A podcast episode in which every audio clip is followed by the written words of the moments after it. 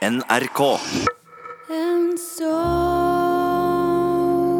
the story is told again. A fairy tale indeed. Nei, det... det du hører her, det er Fairytale med Trondheim Jazzorkester og Siri Gjære. Komponisten heter Eirik Hegdal, og da, Tone Staude, kulturreporter her i Nyhetsmorgen, da må du fortelle oss hvorfor vi spiller akkurat den. Ja, Fairytale, altså et eventyr. Han fikk i, går eh, Kongsberg Jazzfestivals musikerpris, men eh, han er ikke bare komponist, han er også saksofonist. Og det er nettopp denne mangfoldigheten som juryen har lagt merke til. Han eh, var i en lang periode kunstnerisk leder for Trondheim eh, jazzorkester, og har som komponist skrevet verk for Trondheim symfoniorkester, for Vertavåk-kvartetten og Trondheim Sinfonietta. Og i tillegg så kommer en rekke komposisjoner både for egne og andres band. Ja, Så er det jo ikke minst en, en liten eh, pengesum der. 200 000 kroner. Greit å ha med seg. Og så skal han vel holde konsert på Kongsberg Jazzfestival. Ja, det blir neste år, det da. Ja, neste år. Det er vanlig, vanlig å gjøre for de som vinner.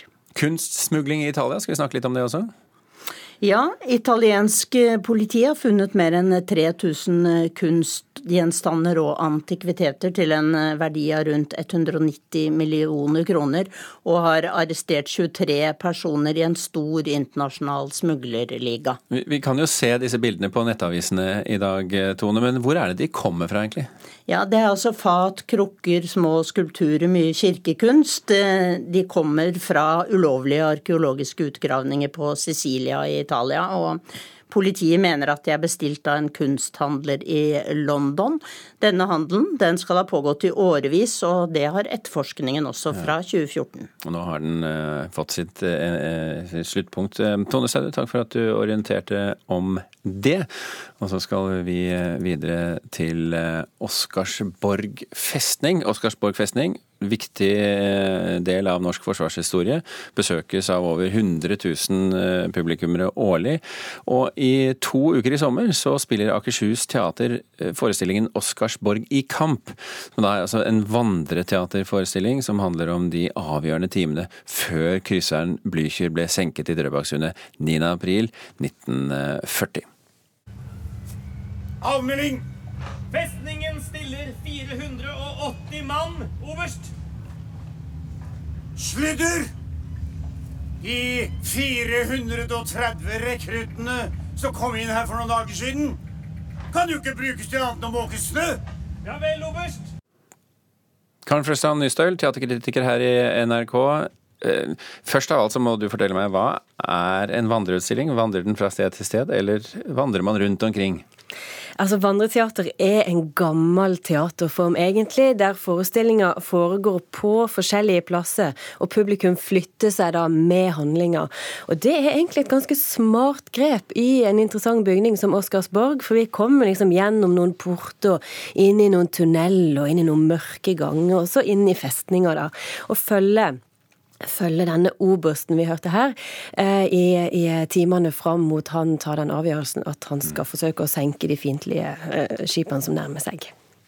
Men kan, det, kan, man da være hvor mange publikum som helst på en sånn forestilling, eller er det begrenset? Nei, det er begrensa, for vi går i ganske trange tunneler innimellom. Og det spilles jo ti eh, centimeter fra der du står, på det nærmeste når vi står i disse tunnelene. Så det er vel en kanskje 50 stykker eller noe sånt som var med. I går var vi vel rundt I går var vi en god skoleklasse, for å si det sånn, da. Både gamle og unge som fulgte, fulgte med rundt. Men det som er fint med denne teaterformen, det er at du kommer så tett på handlinga.